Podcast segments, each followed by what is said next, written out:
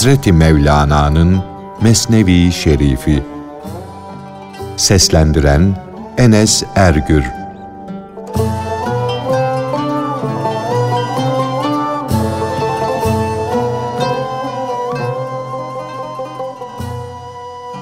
Bir adamın ölümünden sonra üç oğlundan en tembel olanı hangisi ise malımı, mülkümü o alsın diye vasiyet etmesi.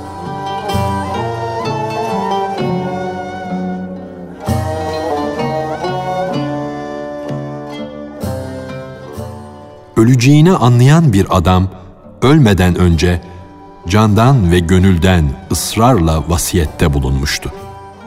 Onun selvi boylu üç oğlu vardı. Gönlünü de canını da onlara vakfetmişti. Onları çok seviyordu. Elimde, avucumda kumaştan, altından ne varsa onları bu üç oğlumdan en tembeli alsın, dedi. Kadıya da bu vasiyeti duyurdu. Çocuklarına da birçok öğütler verdi. Sonra da ölüm şarabının kadehini aldı, içti. Çocuklar kadıya, ''Ey kerem sahibi büyük insan'' dediler. Biz üç yetim babamızın emrinden dışarı çıkamayız. Emri duyduk ve itaat ettik. Bu buyruk O'nun. O ne buyurdu ise biz O'na uyarız. Böylece buyruğu yürür, yerine gelir. Biz İsmail gibiyiz. O da İbrahim. İbrahim'imiz bizi kurban bile etseydi, biz ondan baş çevirmez, ona karşı gelmezdik. Kadı dedi ki, bir karara varabilmem için her biriniz aklını, zekasını kullanarak tembellik derecesini anlatan bir hikaye söylesin. Böylece her birimizin tembellik derecesini görelim, hanginizin daha tembel olduğunu kat'i olarak anlayalım. Arifler iki dünyadan da vazgeçmiş, ne bu dünyada ne de öteki dünyada gayeleri zevk olmayan, zevk peşinde koşmayan tembel kişilerdir. Bu sebepten de onlar tarla sürmeden zahmetsizce harman devşirirler. Onlar kendi tembelliklerine dayanmışlar, her işi Cenab-ı Hakk'ın takdirine bırakmışlar, didinmekten vazgeçmişler, huzura kavuşmuşlardır.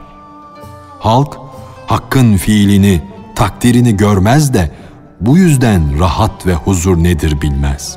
Gece ve gündüz zahmet ve meşakkatten kurtulamaz. Hadi tembelliğinizi söyleyin de sırrınızı anlayayım, tembelliğinizin derecesini bileyim. Şüphe yok ki her dil gönlün perdesidir. Perde kımıldanınca sırlara ulaşılır. Bir dilim küçük et parçası küçük bir perde olur da yüzlerce güneşin yüzünü örter. O üç kardeşten biri kadıya dedi ki, ben bir insanın konuşmaya başlar başlamaz konuşuş tarzından, kullandığı dil bakımından ne adam olduğunu anlarım. Eğer ağzını açmaz, konuşmaya başlamazsa ancak üç gün içinde anlayabilirim. Öbürü, ben dedi, söz söylerse o adamın ne biçim adam olduğunu anlarım. Söylemezse onu söz söylemeye zorlar, ona söz söyletirim. Kadı, senin bu hileni, kurnazlığını duymuş, işitmişse ağzını kapar, susar, hiçbir şey söylemezse ne yaparsın? dedi. Bu örnek şuna benzer. Ananın biri çocuğuna dedi ki, geceliğin sana bir hayal görünürse yahut mezarlıkta, korkulu bir yerde kinle, hiddetle dolu kapkara bir hayal görürsen, yüreğini sağlam tut. Korkmadan üstüne atıl. O hayal derhal senden yüz çevirir. Çünkü kim korkmadan üstüne atılırsa o dev gibi olan hayal hemen kaçar, kaybolur. Çocuk dedi ki, o dev gibi olan hayale de annesi böyle söylemiş ise, o hayal annesinin emrine uyarak üstüme atılır, boynuma sarılırsa o zaman ben ne yaparım? Sen korkma, uyanık ol diyorsun. Bunları bana öğretiyorsun ama elbette o çirkin ve korkunç hayalinde bir annesi vardır. Şeytana da, insana da akıl öğreten, telkinde bulunan, tek olan, eşsiz olan haktır. Zayıf olan, kuvveti gücü bulunmayan kimse bile onun lütfu ile, yardımı ile hasma galip gelir. Yavaş olan, halim olan, ceza vermekte acele etmeyen ne tarafta ise, ne tarafa yardım ediyorsa Allah için olsun, sen de o tarafa yürü, o tarafta ol. Kadı dedi ki, kurnazlığını anlar da sözü söylemezse, o akıllı kişi senin hile yaptığının farkına varırsa, onun sırrını nasıl anlarsın? Doğru söyle. Onun karşısında susar, otururum diye cevap verdi. Çıkacağım yerde sabrı merdiven edinirim, çıkarım da. Böylece rahatlığın, sevincin damına ulaşırım.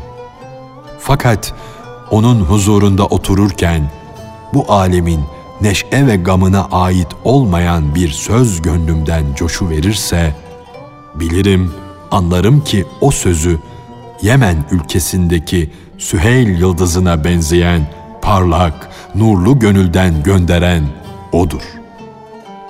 Gönlümden çıkıp gelen o söz ötelerden, şerefli, uğurlu yönlerden gelmektedir. Çünkü gönülden gönüle pencere vardır. Gönül penceresinden güneş içeri düşünce söz bitti, tamamlandı ve Allah doğrusunu daha iyi bilir.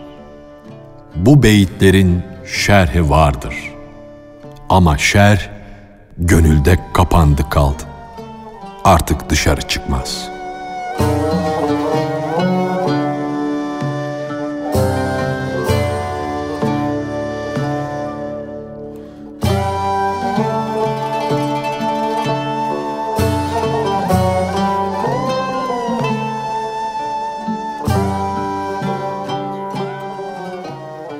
Sultan Veled Hazretlerinin bahsi tamamlaması.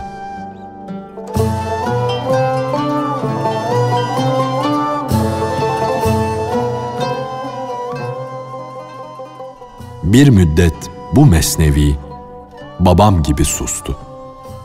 Veled ona dedi ki, Ey nefesi diri olan, ey nefesiyle ölüleri dirilten, ne yüzden artık söz söylemiyorsun? Neden ledün ilminin kapısını kapattın? Şehzadeler hikayesi sona ermedi. Üçüncü şehzadenin macerası tamamlanamadı, anlatılamadı.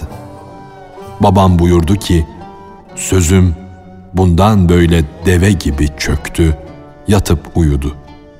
Artık mahşere kadar kimseyle konuşmayacağım. Bu sözün şerhi var, var ama o şer gönülde kapandı kaldı. Artık dışarı çıkmıyor. Natıka, söz söyleme kabiliyeti deve gibi çöktü, uyudu. O söyleyebilir ama ben söz söylemeye ağzımı kapadım. Göçme zamanı dereden sıçrayıp çıkmaya geldi. Her şey helak olur. Ancak o, onun hakikati kalır.'' Bu sözün geri kalan bölümü canı diri olan kişinin gönlüne dilsiz, dudaksız gelir. Dedikodu da sona erdi, ömür de sona erdi. Gamdan, dünya gailesinden kurtulma zamanı geldi diye bana müjde verildi. Can aleminde dolaşacağım. Bu topraktan, bu nemli yerden geçip vahdet denizine dalacağım. Çünkü bu dünya nemle, ıslaklıkla diridir, hoştur. Vahdet denizinden ıslaklık elde etmiştir de o yüzden güzeldir, sevimlidir. Can toprakla, ıslaklıkla, balçıkla diri olursa deniz aleminde ne hale gelir, nasıl olur sen seyret. Deniz şehre benzer, ıslaklık ise o şehrin kapısıdır. Islaklık bir damla gibidir. Vahdet denizinin ise ucu bucağı yoktur. Kıyısızdır, sonsuzdur. Bunu böyle bil. Şu ıslaklığı, şu balçığı bırak da can gibi sevgilinin denizine dal, ölümsüzlük elde et. Şu balçık bedende hapsolup kalan can, can denizinden çıkıp gelmiştir. Bu sebeple sen de şerefi, büyüklüğü can yolunda ara, can yolunda bul. İstediğini can yolunda iste de seni alıp canın geldiği yere götürsünler. Toprakta, balçıkta deniz aramak, deniz bulmaya çalışmak, boş yere uğraşmaktır. Toprağın her cüzü insanı toprak alemine götürür. Fakat can denizinin dalgası adamı alır, sevgiliye götürür. Bu sebeple sevgiliye kavuşmayı canı gönülden iste. Dudaksız, dilsiz, Rabbinin adını an. Zikret de, böylece Rabbi çok zikret de şu fani cihandan, bu hapishaneden kurtul. Can aleminde ebedi olarak kal.'' boş yere uğraşmalarla ömür tohumlarını çorak toprağa ekmedesin. Sonunda helak olup gideceksin. Böyle aziz, böyle paha biçilmez ömrü her an hiçbir karşılık elde etmeden niçin harcıyorsun? Ey iş bilen kişi! Gül bahçesini veriyorsun da dikenlik alıyorsun. Bu sence aldanma değil mi?'' ziyan etmiyor musun? Dünya için harcanan ömür biter gider. Hakkın kendi tarafına doğru çağırıp götürdüğü kişi ne mutlu kişidir. Sayılı nefeslerle verilmiş olan ömrü hak yolunda harcar isen o ömür sonsuz olur. Bitmez, tükenmez. İbadet ile, iyilikle geçen on günlük ömür sayısız, hadsiz, hesapsız bir hale gelir. Hadi bu dünya pazarında hayırlı bir alışverişte bulun. Bir dikenden yüz binlerce gül elde et. Ektiğin bir iyilik tanesinden Cenab-ı Hakk'ın lütfu ve ihsanıyla yüz binlerce tane devşirirsin. Zaten sayı bu aleme mahsustur.'' Çünkü sayıların sonu vardır. Fakat o alemde tohumun, meyvenin sayısı yoktur, sonu yoktur. Ey aslından ayrı düşmüş cüz, benliğinden, varlığından vazgeç de külle doğru git. Allah'a kavuş. Sen kendin testiye benzeyen bedeninde su gibisin yaydığın dedikodu, barışın, savaşın da sudaki kabarcıkları gibidir. Ey akıllı kişi! Bu şekiller, bu suretler akarsuyun üstündeki kabarcıklara benzer. Yahut da içteki sırlar dışarı çıkıncaya kadar içteki suyun üzerindeki köpükler gibidir. Tandır içinde pişen yemeğin ne çeşit yemek olduğunu kaynayışı, çıkardığı köpüğü, pis kokusu belli eder. O yemeğin tatlı veya ekşi oluşu gence de, ihtiyara da öyle görünür. Her nasılsa kendini öyle belli eder. Tıpkı bunun gibi insanların canları, iç yüzleri de yaptıkları işlerden, sözlerinden belli olur. İnsanın canı mertebe bakımından nasıldır, nedir, mümin midir, kafir midir, veli midir, işinden, sözünden anlaşılır. Testideki suyu denizden ayırma. Denizden uzak tutma ki içindeki tatlı su kokmasın. içilmez bir hale gelmesin. Yani canımız testideki su gibi olduğundan onu vahdet denizinden uzak tutarsan perişan olur. Çünkü büyük sulardan yardım görmeyen, kendisine su katılmayan durgun su hoş olmaz. Güzel rengi de gider, güzel kokusu da, güzel tadı da gider, bozulur. Hazreti Peygamber iki günü aynı olan kişi aldanmıştır, şüpheye düşmüştür diye buyurdu.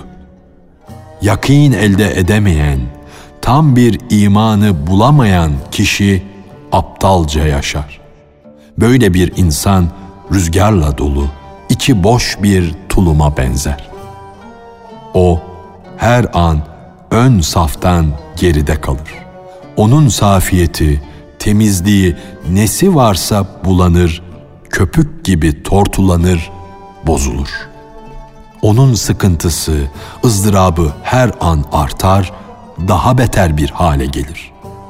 Her an biraz daha çirkinleşir, biraz daha kötüleşir. Hakkın kapısından kovulan o kişi cehenneme doğru gider. Hakikat denizinden uzak düşmenin azabını çekmeden ızdırapların, kederlerin ateşinde yanar. İşin oraya varmadan, halin perişan olmadan, her an gaflet seni biraz daha geriye sürüklemeden yürü. Halil gibi aslına dön. Yıldızdan, gök kubbeden vazgeç. Himmet ayağını güneşin ve ayın üstüne koy. Başını da o eyvana, o dergaha, o kapının eşiğine koy. Bu benliği, bu varlığı Allah yolunda harca da iblis gibi haktan ayrı düşme. Can suyunu can denizine dök de haddi hududu olmayan uçsuz bucaksız bir deniz halini al. Hikayeyi kısa kes. Ben perde arkasına girdim. Söz bitti. Tamamlandı. Allah her şeyin doğrusunu daha iyi bilir. Şükürler olsun ki kitap tamamlandı. Kaybolmadı. Peşin akça oldu. Kardeşlere ulaştı. Bu söz gökyüzünün merdivenidir. Kim bu merdivenle çıkarsa gökyüzünün damına yükselir. Fakat şu bildiğimiz gök kubbesinin damına değil, göklerden de daha yüksek olan mana göğünün damına çıkar. Bu bizim gök kubbemize, o gök kubbesinden lütuflar, ihsanlar gelir. Bu gök kubbesinin dönüşü de daima o mana göğünün havası ile, o göğün sevdası iledir.''